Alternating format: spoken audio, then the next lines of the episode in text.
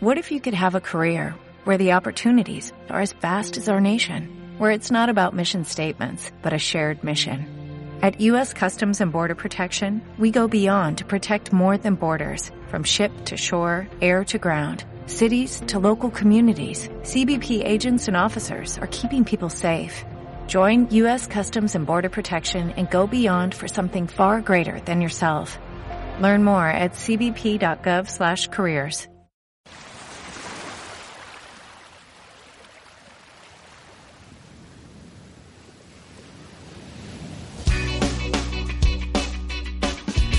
Ens acostem a altres pobles. Perquè creiem amb la ràdio de proximitat.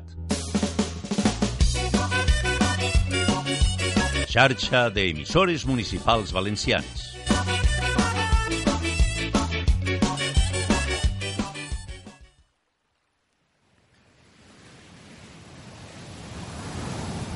Comencem el nostre viatge, la nostra trobada amb el món de la cultura i la literatura. Ja sabeu, com sempre, que us trobeu a Mar de Muses. Mar de Muses és la paraula, la veu, l'univers que ens envolta. I per això, com sempre també, saludem a totes i tots els nostres oients de Ràdio L'Hom de Picassent, de Ràdio Godella, de Ràdio Sol d'Albal, de Mislata Ràdio, del Burgesot Ràdio i de Ràdio Terra. Comencem el nostre viatge.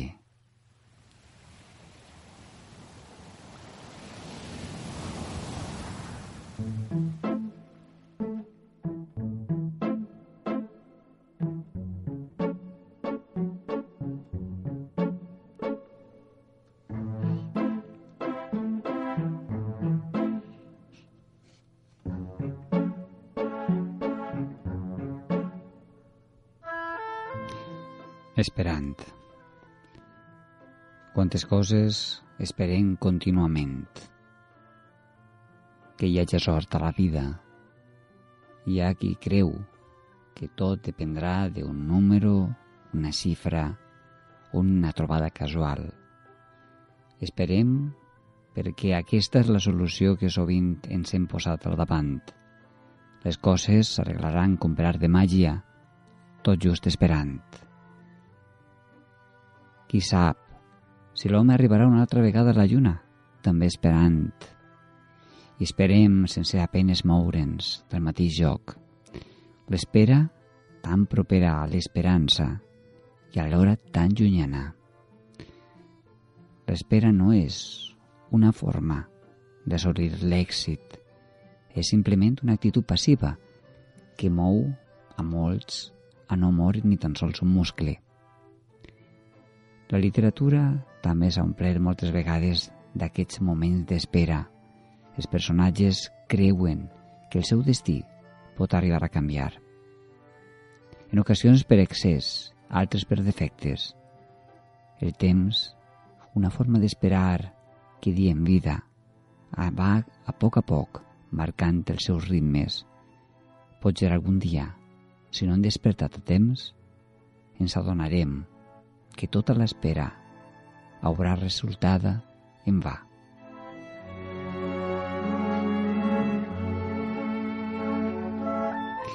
Una setmana més comencem la nostra trobada, el nostre viatge a través del món de la cultura i la literatura.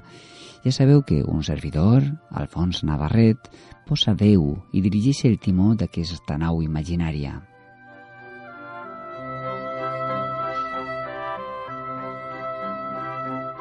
A més a més, també us recordeu que us recordem, perdó, que teniu una adreça de correu electrònic on podeu enviar-nos les vostres paraules mardemuses@hotmail.com.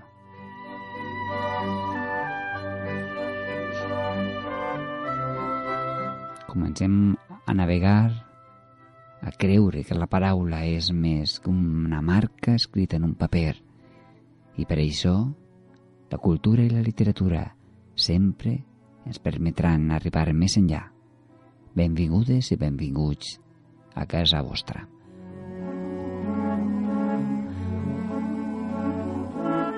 Mar de Muses.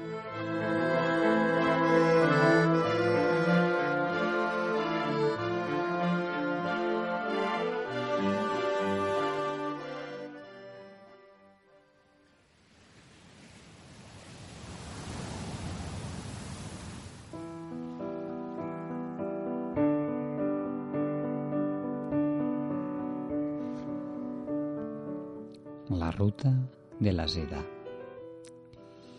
No són pas cavalls salats, la crinera encesa al vent, ni camells guarnits d'ivori, enjovats a carrans carrosses, el que puja pel carrer.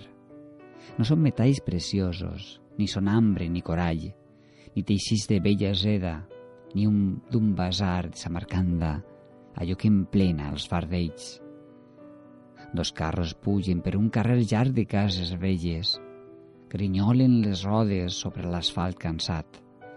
Els joves carreters escupen, s'escridassen, maniobren sobre la reixa d'un desguàs. Clep-clepen les xancletes, un cotxe els estalona. S'ho mira un avi antic des de la llindar de casa. Fa pols, fa xafogor, put el clavegram. Puden les cebes d'oferta, les baguets de pa calent. Carrer amunt, em passen pel costat, plens de què viures. Dos carros de supermercat. Aquesta, La ruta de la seda, que és poema, pertany al llibre de Roger Vilà, Tot esperant la riuada. Roger Vilà, Tot esperant la riuada, editorial 3 i 4, una mirada poètica.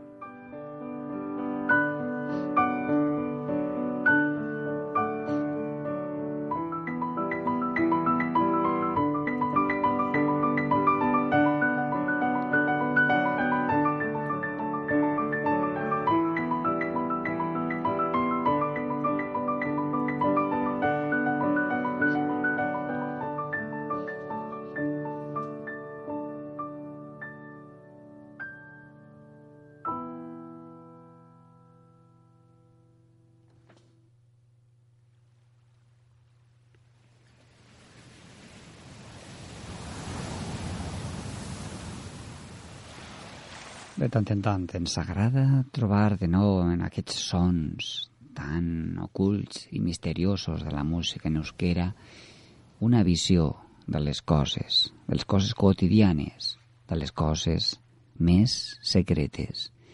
I per això ens agrada escoltar a cantautors com Xavier Muguruza. Escoltem perquè aquesta serà la banda sonora del nostre programa.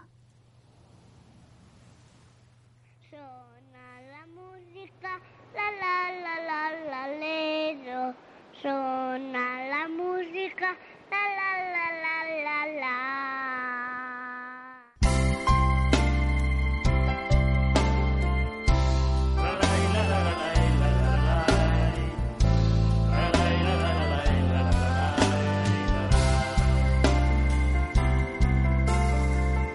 Etxea behan du eltzian, Andriak itaun zakarrian, Ondarraio ibilian nintzen, Ez aldakizu bada,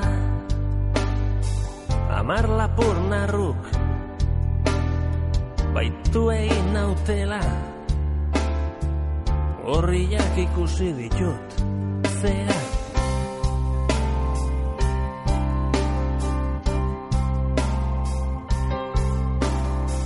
Ez idazu esan gizona Ta ni bitartian hemen ere jakin gabian Zurekin aserre batian Beti bezalaxe Tabernan Lagunekin lotua zinan. Koitadu hori Kontaidazu dena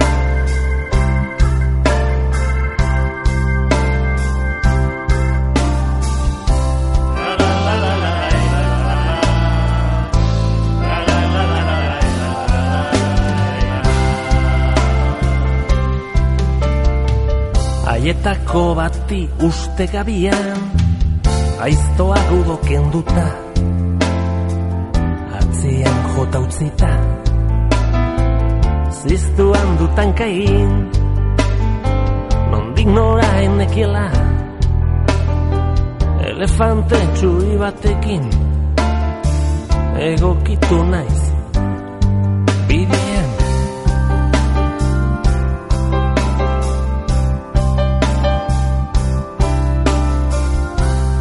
Zure txuria diozu Nora bada eramana ote Lapurna runazkante Nik harrapatuko banu Ta segingo dugu orain Etxia intxikia izanik Elefantea ezin xarturik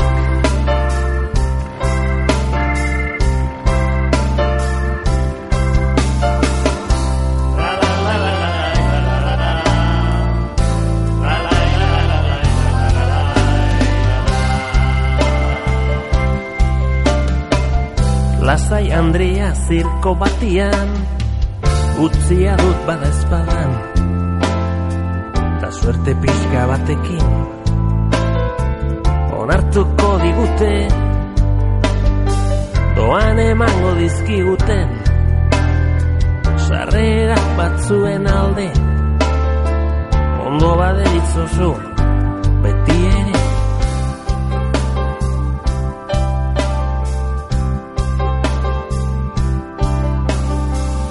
nire gatik bada konforme Baina aizu eser zaitez Akitua egon behar duzu Afaria prestatuko dizu. Goxo bai, goxoa, da gero Bere baitan arzaitzan Loari eskatu behar diozu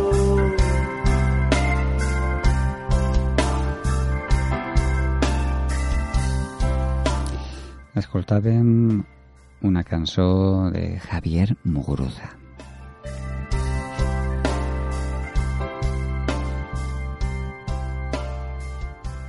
Bueno, pues ya lo vemos después, le para igual.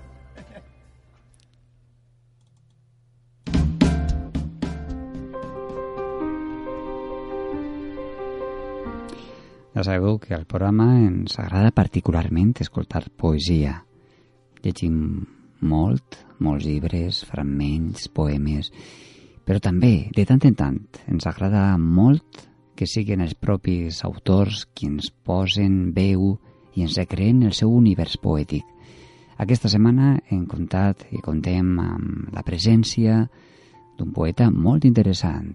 Ell és Jordi Valls i ens va llegir concretament tres poemes. Què tal, Jordi? Doncs moltíssimes gràcies per estar al programa i ens va llegir tres poemes del llibre Del llibre Mal. doncs quan tu vulguis. Perfecte, moltes gràcies, Vicenç. Doncs us llegiré el poema El lector, lector, que fa així. Fes-hi un cop d'ull. Val la pena perdre el temps. I no cal que tu pensis gaire. Acosta-t'hi, que a l'altra banda del paper hi ha silenci. I en arribar a la teva orella traspassa el lleu brugit de la sordesa. Un altre món on dissoldre't ve de la pau i torna vibrant el mirall líric que crema l'ànima per indefinició. El mot ferma el nus d'un nou escenari. Amb tu tot és possible. Bé s'hi proclama la passió, on l'èxit no compta. El poema Cognom de mare. Per informació diré que el meu segon cognom és Pozo. Per tant, doncs, és important saber-ho pel context del poema. Cada cop que m'aboco, m'hi llançaria a broc avall per atrapar l'ull profund d'on vaig sortir. I dos ulls com dos pous, l'indret on caure, amb la pell diurna, al fons. Reconeixes l'infant, mare? El tràngol és comú i no sabem destriar-nos l'ànima que es despenja i tanca la closca fora del nucli que ens uneix, perquè és difícil desdoblar-se on comença l'argument. Tentinejo entre les arrels i perdo l'instint per guanyar destresa. Dos ulls dins del meu vol absent, molt lluny del blau. Sento l'espetec de la pedra al fons. I el tercer poema que llegiré es titula Títol provisional. S'enderroquen els blocs amb bella sincronia, un darrere l'altre, del barri a la ciutat, de la ciutat als pulmons, i surt l'alenada que tot ho emboira, el silenci més pregon, la duna seca i el respirar que va cremant la necrosi del cor encrustada a l'artèria. Ningú no s'ho espera. S'ha trencat l'encanteri. Això s'acaba, nois. La festa grossa ve ara. Doncs Jordi, moltíssimes gràcies per haver-nos acompanyat aquests minuts i per haver-nos fet aquesta lectura de la teua òpera poètica. Molt bé, un plaer sempre col·laborar amb les muses. Una abraçada forta. Una abraçada ben forta. Gràcies.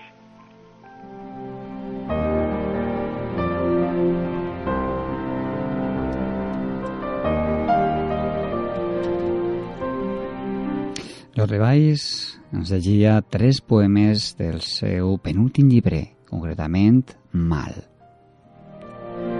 Paraula de poeta.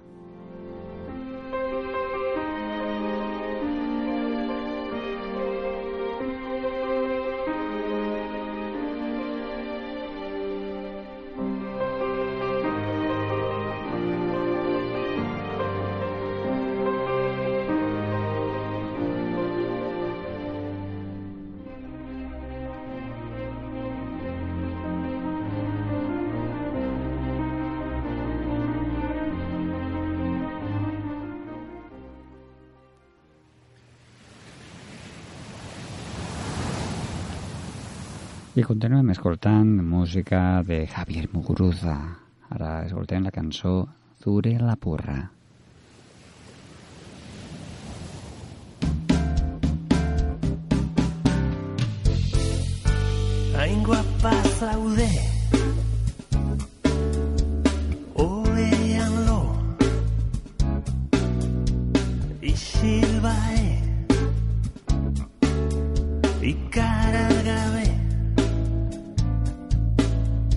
Gaureldian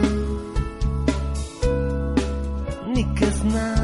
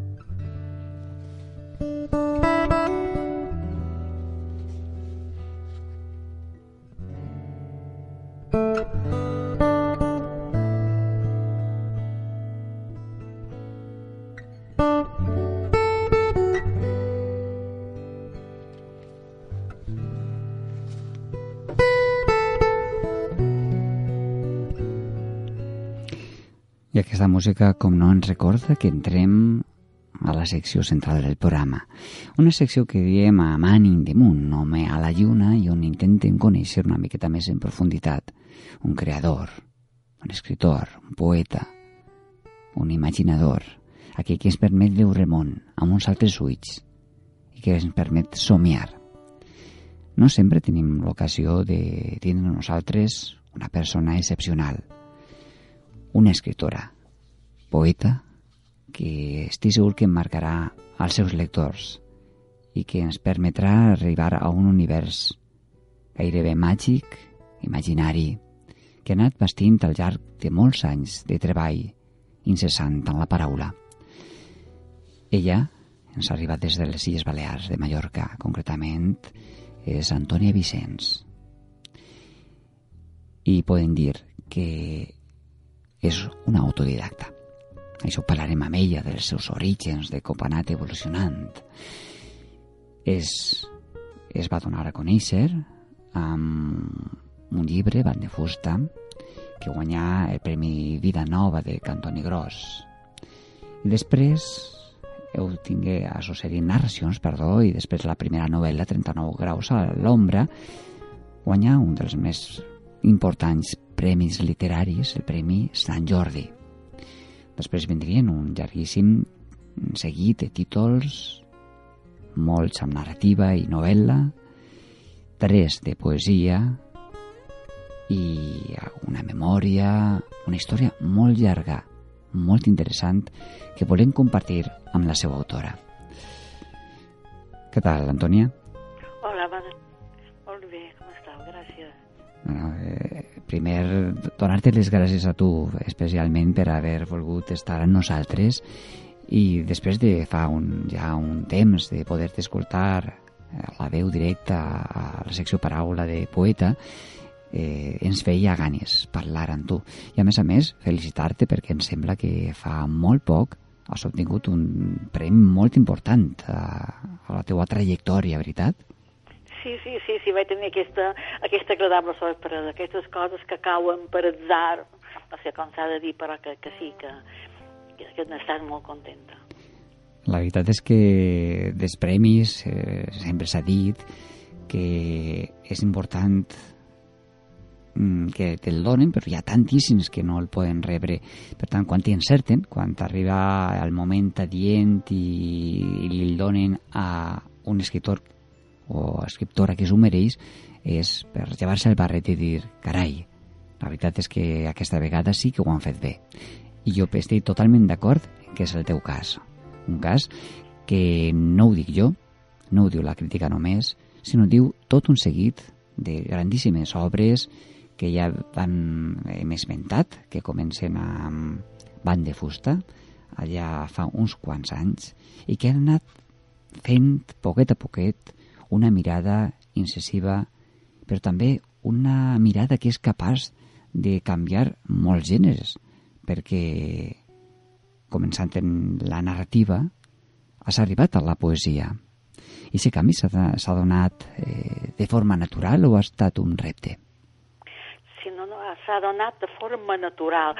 Jo vaig ser la primera sorpresa, perquè hi, hi havia amics que me deien, quan quasi als 70 anys et poses a escriure poesia, deu estat molt meditat. I no, no va ser meditat, va ser com a màgic. Era el mes d'agost de l'any 2006, jo estava prenent el sol i varen començar a caure'm, diguem, els versos de, de l'Ovali. El que jo vaig pensar després era que la vida me començava a caure a trossos, no? I, i els versos era el recipient més adequat per agafar-los. Ja, no va ser, no, no va ser fruit d'una meditació, va ser aquesta cosa zerosa, natural, que va fluir, perquè jo crec que la poesia és per tot, eh? cal molt de silenci i escoltar-la i crec que totes les persones, els que la llegeixen i fins i tot els que no saben, els que no llegeixen poesia, si posassin atenció veurien que, que el mateix la viuen a la poesia. És com l'atmosfera i és la poesia. I per què creus que la poesia sovint té tan mala fama, entre cometes, entre els lectors, especialment entre els lectors joves i també entre els lectors eh, adults, perquè veiem pel carrer, si fer una enquesta, molta gent, si els preguntaren llig poesia, segur que ens diria jo, no, no, que va, això és impossible. Per què passa aquesta circumstància?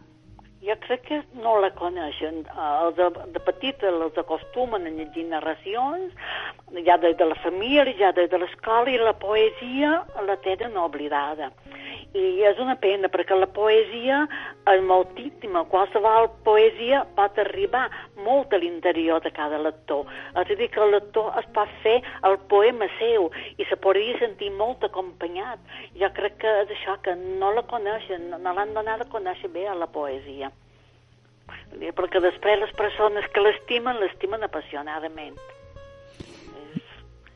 És, jo crec que s'ha de començar per les escoles Mm -hmm. Seria un Perquè bon...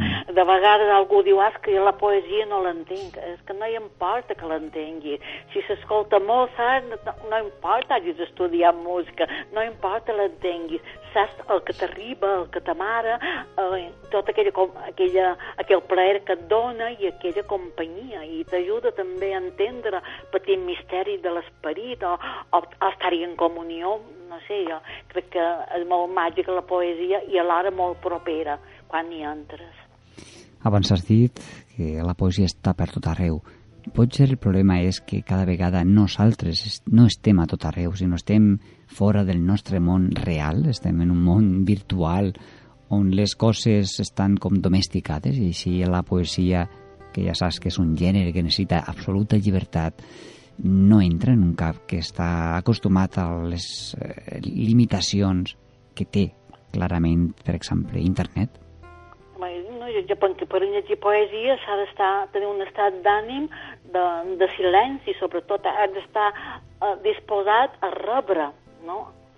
I clar, hi estem avasats que, que, que tenim soroll de per totes bandes, que, que ens, també ens recomanen coses de per totes bandes, pel·lícules, llibres... Eh, col·laborar, sèria, i jo crec que vivim com a molt exterior de nosaltres mateixes. I la poesia és més per recollir-se, i possiblement no tothom està preparat per aquest recolliment interior per falta d'hàbit en aquest temps modern, ara que hi ha tantíssimes coses, que no hi ha temps per quasi tot, que la gent està molt informada, però possiblement no hi està gens informada perquè es parla de tot i, i ho sabem tot, però llavors arribam a pensar que, que no sabem res seriosament perquè no hi ha espai mental ni, ni hi ha espai físic. I la poesia vol que, que una persona s'assegui, que desconnecti de tot, de tots aquests sorolls del món de, i, i s'enfronti en el poema, amb el poema i que és una manera d'enfrontar-se a ells mateixos. I també a vegades tenir la tendència de fugir de nosaltres mateixos perquè ens fa por sentir la, la, la veu íntima. No sabem què hi tenim quasi a, a dins. Però després quan t'hi acostumes, o si de- deixes aquell reconec cada dia, aquella estona cada dia per entrar dins un poema, un poema, naturalment, d'un bon poeta, no?, o que, o que se digui eh, en les necessitats íntimes i espirituals del lector, en les, necessitats anímiques, jo crec que fa una gran companyia. Jo crec que la gent, si llegís poesia, no necessitaria, no sé, eh, prendre tranquil·litzants o eh, tantes coses, perquè la poesia te dona una dimensió de, del món i de tu mateix, quan la poesia és poesia perquè no tots els versos són poesia. També hi ha gent que diu, ah, a mi no m'agrada gent la poesia. Home, has anat a la llibreria, has triat, has remenat, has mirat quin llibre te pot arribar.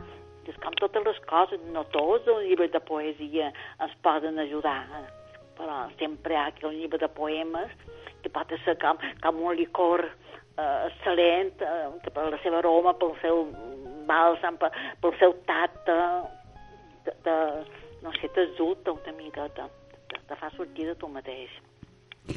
Quan veiem la teua biografia i busquem informació sobre tu, una cosa que ens eh, sorprèn és el fet de que consideres, igual m'equivoque, desmentis-me si m'he equivocat, autodidacta, que comences... Jo, veure, sempre m'han dit que som autodidacta perquè no vaig, no vaig anar a la universitat, no vaig tenir tampoc la sort d'anar a cap institut, jo som una, allò que deien, una nena de la postguerra a un poble, un poble de Mallorca, però és que jo no sé exactament què és autodidacta, perquè si un metge se posa a escriure, no li diran autodidacta pel fet de tenir una carrera universitària, però jo crec que en el fons tots som autodidactes en, en coses de l'art i en la creació.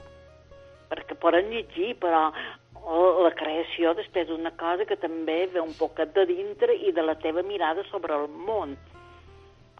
Si no, Mm -hmm, jo, per no exemple... veig altra manera de poder tenir una veu personal i de crear és a partir de, de la pròpia mirada després recrear el món i, i, i entregar-lo, a compartir-lo. Però l'autodidacte sí, en el sentit que no vaig tenir llibres de nina, no en vaig tenir, vaig començar a escriure abans de començar a llegir, com una mena d'inconsciència, però era el que hi havia fins que Bernat Vidal i Tomàs, l'apotecari i escriptor de Santanyí, em va començar a deixar llibres i després ja va ser una, una cosa grossa, una, una alegria immensa, tots aquells autors fent-me companyia, tant de mons, jo deia, dins la meva habitació hi caben tant de mons, i que això és la màgia de la lectura, no? Sense moure del sofà, pues, connectes a, a mil aventures i, i, i, mil, i, i mil històries. I en aquella, en aquella època llegir fins i tot tenia un risc, perquè em sembla que aquesta biblioteca era quasi com clandestina, no? Estava com un poc amagada. És possible? Hi havia llibres, que, per exemple, còmics era un llibre que estava prohibit, però el Benet Vidal i Tomàs eh, les enviaven, els tenien aquells llibres, els enviaven de contraband, perquè en aquella època hi havia molt de contraband. Allà, eh, era contraband de cafè, contraband de, de, de roba de niló, contraband de catifes, perses, no sé, hi havia molt de contraband, tot ho duien de, de trapel·lo, i a Navidad li arribaven llibres. I, clar, i jo vaig poder llegir Camus, després vaig poder llegir Virginia Woolf, vaig poder llegir Faulkner, i això va ser, bueno, eixamplar-me la mirada i eixamplar-me la vida, rompre totes les barreres ser molt important molt per mi. Tindre, sempre s'ha dit que tindre una biblioteca a casa eh, és importantíssim per a la formació d'una persona. En, en aquest cas, que, que Sí, no, jo tinc aquesta mancança, eh? jo no tenia llibre, de l'escola tampoc no en teníem. Uh, a Santanyí hi havia uh, les monges franciscanes, que eren unes, unes monges molt bones persones, jo tinc molt records molt, molt tendres d'elles, però que no eren ni mestres, no, no ensenyaven res. I de llibres me varen deixar algun llibre religiós, això sí, vaig tenir la sort que em van deixar també Teresa d'Àvila i Teresa d'Alicia, que aquí també ja, ja va ser extraordinari llegir aquestes dues dones, però res més. Uh -huh. perquè elles mateixes tampoc no tenien cultura ni tenien llibres de la, a la biblioteca del convent, no, tampoc no, de, de temes religiosos. I a Santanyí no hi havia llibreria ni tampoc biblioteca. Però el que passava a Santanyí supos que era el que passava molt de pobles no només de Mallorca, sinó de, de moltes bandes allà on hi ha hagut una guerra i hi ha misèria en tots els sentits. I aleshores entres en contacte amb Bernat Vidal, sí. mostra els llibres i a més a més comença a posar en contacte amb el que seria la intel·lectualitat eh, de l'època no? de, de les Illes sí, Balears. Sí, sí, me, va, a través d'ell vaig conèixer aviat el Bernat Vidal i Tomàs, el Francesc de Borgemoll, i, i després ja va dir la Maria Aurelia Campmany, el Jaume Vidal Alcobeix, i el, el Bernat Vidal i Tomàs per mi va ser molt important. Jo crec que sense el Bernat Vidal i Tomàs a Santanyí m'hauria ofegada, hauria mort ofegada, ja. Me sembla, sempre ho he pensat. Mm, un escritor eh, molt interessant, el Bernat Vidal, però que no massa conegut fora de les Illes Balears. Va morir molt jove, el Bernat Vidal, va, ven, va morir fa uns 45 anys, acabava, no havia complit ni els 50, ja en feia dos que, altres que estava molt malalt, i el Bernat era un home molt de tertúlia, a casa seva hi anaven de, Josep Pla, el Sancis Guarner, eh, el Camilo, el Camilo José la bueno, perquè a casa seva sempre hi havia escriptors però de fora, no, no només de Mallorca, no? I ell era molt donat a la tertúlia. Ja sí que té un llibre que diu, que se va reeditar fa poc, que diu La vida en rosa, després té algun llibre de poemes i la seva obra es pot dir que, que no la va fer perquè va morir jove anar, eh, el que sí, la seva gran obra va ser que va ser importantíssim per tots els escriptors que començaven, perquè que seva també hi anava Baltasar Porcel, per posar-te només un exemple més d'un escriptor conegut, és que tots anaven a veure el Bernat Vidal i Tomàs, que era com el comtat entre Mallorca també i Barcelona, ja que ell havia estudiat a Barcelona i estava molt connectat el Blai Bona mateix, sense el Bernat Vidal i Tomàs, no, no sé què hagués fet, perquè també va ser el Bernat que li va deixar llibres. I a través d'en Bernat va descobrir la generació del 70 vull dir, la generació del 27, saps? El Bernat va ser importantíssim per moltíssima gent. Doncs ja sabem que hi ha mancances, hi ha reivindicacions que cal fer i aprofitem eh, aquests micròfons per reivindicar la, publicació i la, la figura de, de Bernat Vidal. Sí, el, el Bernat ara és conegut també perquè dona el Premi de Poesia cada any Bernat Vidal i Tomàs, que s'entrega avui mateix a Santanyí, mm -hmm. i és un llibre que ja té bastanta trajectòria i, i, és, i és estimat, el, aquest, aquest concurs me referàs. Sí, sí. És un concurs ja estimat, i que hi ha molts poetes que, que l'han guanyat, bon poetes, i que cada any un bon nombre aspiren a, al Bernat Vidal i Tomàs. Mm -hmm. Tornant a la teua obra, després d'una període de formació, suposa, de lectures, és quan comences amb un llibre de relats i vas creant aquesta obra poètica, eh, narrativa. Com es fa aquesta... Ah, no, és que vaig començar a escriure relats eh, a banda de, de tenir accés a la lectura. Jo de nena de nena volia ser escriptora. Mm -hmm. No sabia que era escriptora, però així com una altra nena diu que vol ser ballarina, va, no sé, va, vol ser princesa, va, a bon bé, ja, ja deia que volia ser escriptora. I és que me meravellaven les paraules. Les paraules que jo sentia al carrer tenien una força, pensava jo, tan fort, tan grossa, tan forta, que, que jo veia que la gent però amb una paraula plorava o reia. I jo pensava, si tingués paraules, si ho pogués emprar les paraules, ho entendria tot. I jo creixia creient que a través de les paraules jo podria viatjar pel món, ja pel món mental, ja no, ja no dic agafar tren ni, ni, ni agafar avió, no, sinó que ja veia que les paraules me podria ficar a qualsevol racó de, de la ment i duia una obsessió per les paraules. Aquesta va ser... I vaig començar a escriure bany de fusta, les narracions, abans de tenir accés a aquests llibres, a la lectura. Mm -hmm. Passa dir que vaig ser una inconscient, no? Que va pas escriure abans de, de, de començar a llegir. Clar, d'una mancança, naturalment.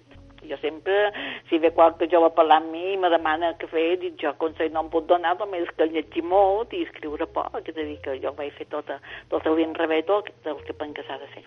Doncs si un jove t'escoltara diria doncs potser cal fer el que ella va fer perquè Ja, però- és molt important eh, escriure molt i també llegir, òbviament, no? No, és molt important escriure molt, però llançar moltes, moltes pàgines a l'ordinador. Jo vaig llançar novel·les senceres, això sí que no, no me tenia pietat. Escrivia i llançava molt. Dic, això tenia, tenia autocrítica, no, quan feia que no m'expressava, si quan jo mentalment havia imaginat que me sortiria, jo anava llançant, vaig, vaig escriure molt i vaig llançar moltíssim. I crec que és necessari per aprendre a escriure no tenir la pietat d'ell mateixos i llançar aquella novel·la que, que estima, aquell, aquell poema que estimes, que t'ha duit molta feina, que has somiat molt, però no tot, no tot val, no, no totes les pàgines escrites serveixen. Les les que escrivim nosaltres mateixos no són vàlides totes. S'ha de llançar molt, i jo havia llançat molt, això sí. Mm -hmm. Si deus ara mateix, amb tots els guardons, amb totes les obres literàries que has escrit, eh, a un lector que sentint-se en la teva obra, tens alguna que li agradaries en especial que li tingueres més carinyo, més afecció, o és com aquell que diu que són fills i no es pot escollir? Si no, jo ja no sé, jo sempre estimé la darrera perquè la tinc més, més, més present, però les meves obres llavors procuro oblidar-les, perquè jo no podria viure arrossegant la càrrega, diguem, de tots els personatges que he anat creant a les novel·les, perquè no escric sobre la felicitat, si de cas escric sobre la recerca de la felicitat. No són felices els meus personatges, estan en lluita amb ells mateixos i amb el món. Vull, ref vull reflectir sempre la, la realitat no? Hi ha els somnis, hi ha les ànsies, però aconseguir-les és una altra història. I, i de vegades hi ha la injustícia de, de viure a un lloc que no és, que no és, no és el més perfecte per la persona dur a terme els seus somnis. No? I clar, jo no, puc, no podria viure recordant tots els meus personatges que me, me perseguirien i procuro oblidar-los. Deixa Per tant, el que més tenc present sempre, en aquest cas, és el darrer llibre de poemes, que és, que és Fred als ulls. Mm -hmm. O sigui, fas tabula rasa i tires endavant, no? Sí, sí, sí. Ma, mai torno a els meus llibres. Mm -hmm. T'has plantejat eh, que els llibres més antics, per exemple, es tornen a reeditar? O... Haig de dir que hi ha un editor que, que me n'ha parlat eh, i em fa molta mandra tornar-hi. No sé si m'animaré o no. Me fa mandra tornar als meus llibres perquè és tornar eh, deixar tornar en aquests mons que a mi no m'agradaven, per exemple, el primer llibre, 39 graus de l'ombra, eh, d'aquest xoc entre el poble de, dels anys 50 i la cala quan comencen els turistes, l'explotació turista, eh, el, el dolor de, de la mateixa gent que venia a estiuetjar, la gent alemanya la, que venia en, en tots els seus morts, perquè no és veritat que vengué la gent molt alegre, eh, això que diuen el boom turístic, venien en tots els morts de, de la Segona Guerra Mundial, havien perdut el pare, o un fill, o l'amant, és a dir, jo veia tot aquell dolor amb els estiuetjants que després prenien una copa i anaven a ballar i se, se passaven a la platja, però no, no és aquesta alegria que la gent veia eh, quan va començar el turista. Hi havia molta, moltes mancances. Clar, 39 graus a l'ombra, entenc que sigui aquest dos mons, poble i, i turisme i també l'explotació obrera, que era moltíssima l'explotació obrera. Encara ara n'hi ha, però també ja, ja n'hi havia molta. Mm -hmm. I, per tant, quan, quan parles d'aquests temes, les vols oblidar una mica si ser. El problema és que no estan superats aquests temes. Ja, continuem. La societat continua pegant voltes clar, i possiblement clar. serien més actuals del que, del que pensa. Més, perquè clar, tenim, tenim guerra a una banda o l'altra, tenim tota aquesta, aquesta cosa horrible dels immigrants, tenim, tenim tenim l'explotació obrera a moltes bandes, de, si no és a, a casa nostra serà a un país veí o, o molta, molta roba que empleam, o coses, sabem que, que hi ha gent que, que, que exploten gent, perquè nosaltres comprem més econòmic, per exemple, no sé, l'explotació hi és. Jo la vaig veure, l'explotació obrera, aquells anys 60, principis dels 60, me va impressionar molt. I segueix avanti, per tant tant en el Grau de l'Ombra era aquell tema i sempre vaig seguir triant temes que a mi no, no volia que existissin. Doncs... Per tant, eh, les novel·les són també un reflex de la vida i jo crec que la literatura és vida. I el que he intentat és intentar agafar la vida, intentar entendre-la una mica, perquè aquest misteri tan gros del dolor que ningú acaba de, ningú entén, no hi ha cap religió tampoc que te l'expliqui, per tant, i en les paraules és allò que intent la lluita per entendre una miqueta el que és la vida apropant-nos ja al últim, a l'últim minut d'aquesta entrevista que faríem llarguíssima, molt més llarga, però ja saps que a, a la ràdio el temps és com el nostre gran dictador. Has publicat poesia recentment i tu dius que sempre mires l'últim, però segur que estàs treballant en alguna cosa. Es pot dir? Eh, si ara estàs en un projecte narratiu, poètic... No, no, un poema també, també un llibre de poemes estic Mm -hmm. Estic amb un llibre de poemes ara. La poesia és el que més m'apassiona. Jo dic que, que són els anys que, que he tornat vella, som una persona que ha complit 75 anys, estic economitzant en totes les coses de la vida, perquè l'edat té dur i l'experiència també, i ho faig també en les paraules. I amb el vers puc dir el que necessitaria 10 pàgines d'una novel·la i jo crec que tinc aquesta obsessió d'economitzar també en les paraules, de sintetitzar la vida. Doncs... Aquesta és la meva lluita ara mateix. Doncs la veritat és que esperem aviat tornar a, o continuar eh, veient la teua veu poètica i literària i t'agraïm profundament que ens hagis dedicat aquests minuts i, com no, saps que Mar de Moses continuarem llegint i continuarem gaudint de la teva presència en molts altres programes. Moltíssimes gràcies, un plaer que, que em truqueu des del País Valencià, un país, sí, aquesta il·lusió que, de, que, de que un dia siguem país els catalans. Doncs gràcies i que continues escrivint i nosaltres que podem gaudir-te durant molts i molts anys més. Moltíssimes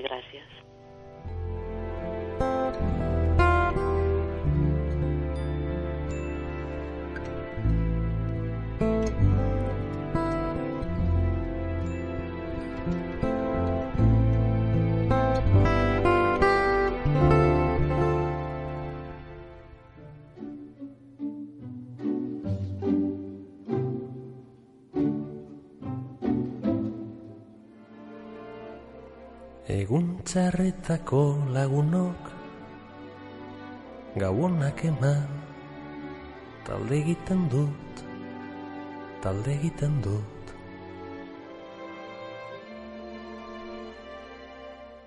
errekaudazioa txarra izan da errua neurea da Utz guziak enegain hartzen ditut entzun egin behar nezuen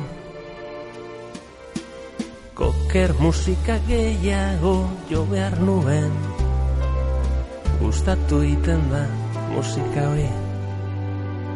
Baina egin dudana egin dut. Ta gero urduri jarri. Fox Terrier musika jotzien Arkua finatu egin behar da. Jendia ez doa kontzertura Erioari zaunkaka ditzera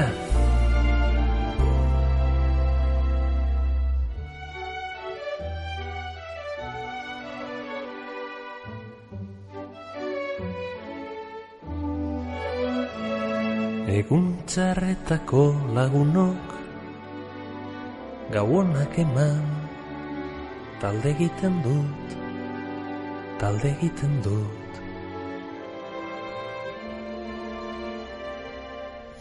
Lo egin amets egin. Nire aldetik ene bixer hartu.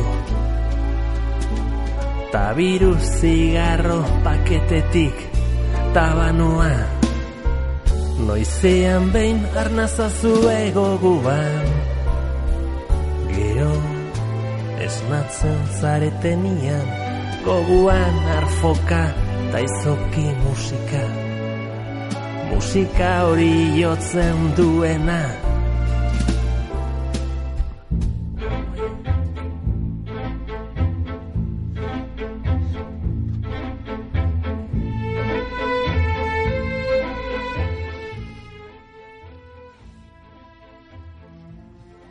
Així, cap dels rellotges de casa marquen la mateixa hora. Segons el rellotge de paret de dins la cuina, està sopant, sotjada pel teu gos. Ah, segons el despertador que hi ha al dormitori, lleus blanca de mort. Entre el blanc dels llençols i el blanc glaçat als vidres de la finestra.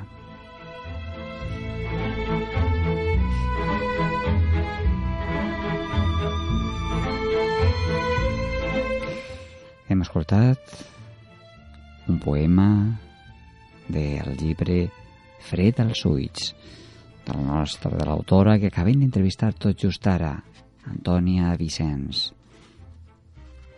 Un llibre que està publicat a Jardins de Samarcanda.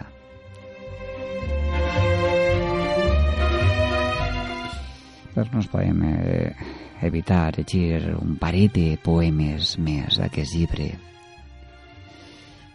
La presó on escrius té els barrots de gel. Se't poden rampar els cabells. Si t'hi acostes, et poden caure les mans. Si t'hi aferres, et pots morir, ofegada dins una bassa de paraules moixes.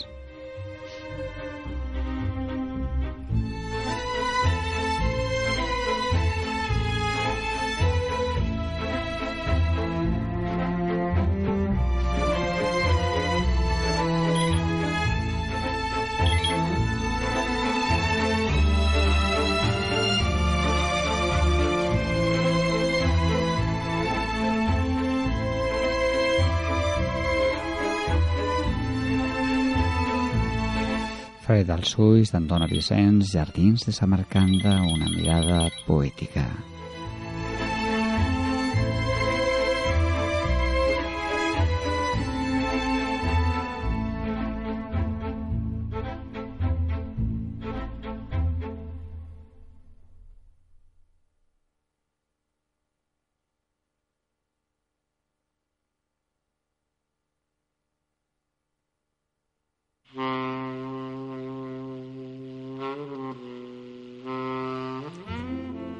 I aquesta música, com no, ens permet entrar a la secció que ja sabeu que es diu Una de Contes.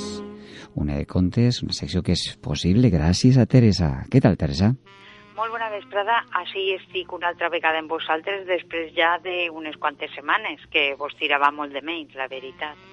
Doncs som nosaltres és que també te trobem moltíssim a faltar i com no, l'important és la història. De què ens vas a contar? Eh, Pues, eh, mira, vaig a explicar-vos una història de, de un personatge que es diu Mulana Rudin.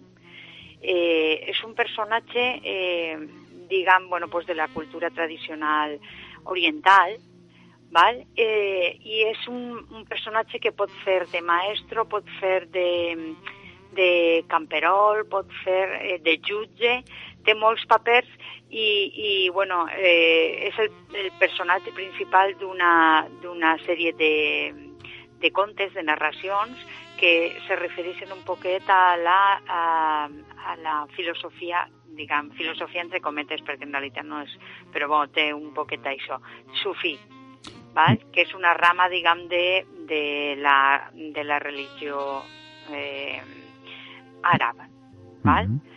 Eh, y bueno, pues ten, eh, son como una especie de chistes o de ocurrències i, bueno, i això i el protagonista és este, este personatge.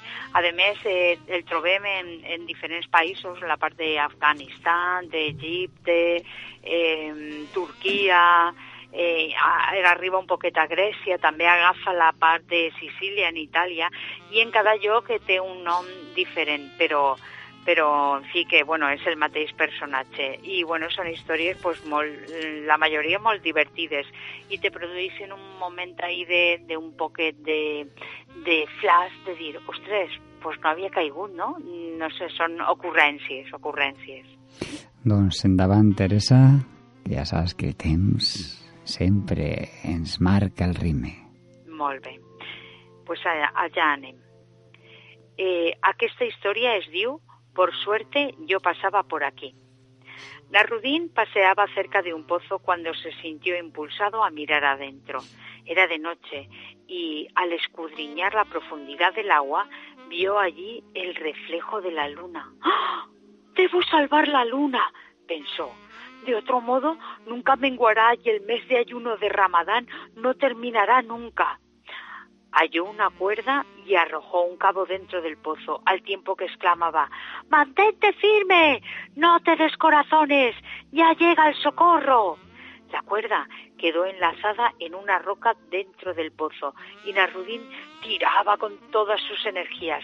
Estaba haciendo fuerza hacia atrás cuando de pronto la cuerda se zafó y el mulá cayó de espaldas al suelo. Mientras se hallaba allí tendido jadeante, observó a la luna surcar el cielo. ¡Ah! Me alegra haberte sido útil, dijo Narudín. Fue una suerte que yo justamente pasara por aquí, ¿no es cierto? I conté contat, conté acabat. Doncs en la sort de que a dir que haig de salvar la lluna. Sí, sí. Nosaltres t'agraïm moltíssim que ens hagis contat una història tan divertida i tan interessant i esperem, com no, la setmana que ve tindré alguna tant o més encara que aquesta. Clar que sí, sí, sí, perquè pense que agafaré unes quantes d'ací més perquè són molt interessants i, i molt boniques, la veritat. Així que per a la setmana que ve, sí, no passa res, n'hi haurà una altra de la Narrodín. Doncs, Teresa, la setmana que ve, una de contes. D'acord. Vinga, Alfons, una salutació per a tu i per a tots els oients de Mar de Muses.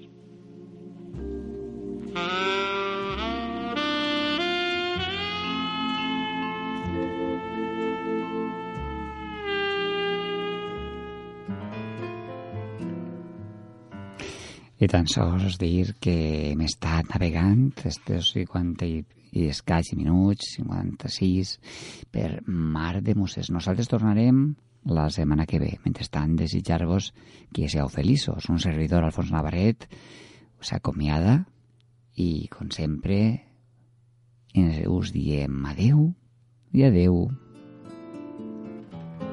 Mar de Muses.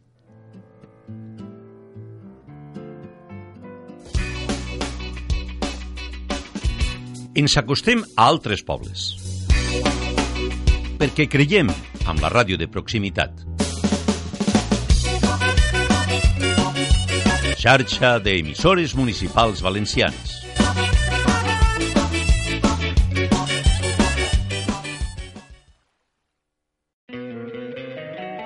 Don't you love an extra $100 in your pocket? Have a TurboTax expert file your taxes for you by March 31st to get $100 back instantly.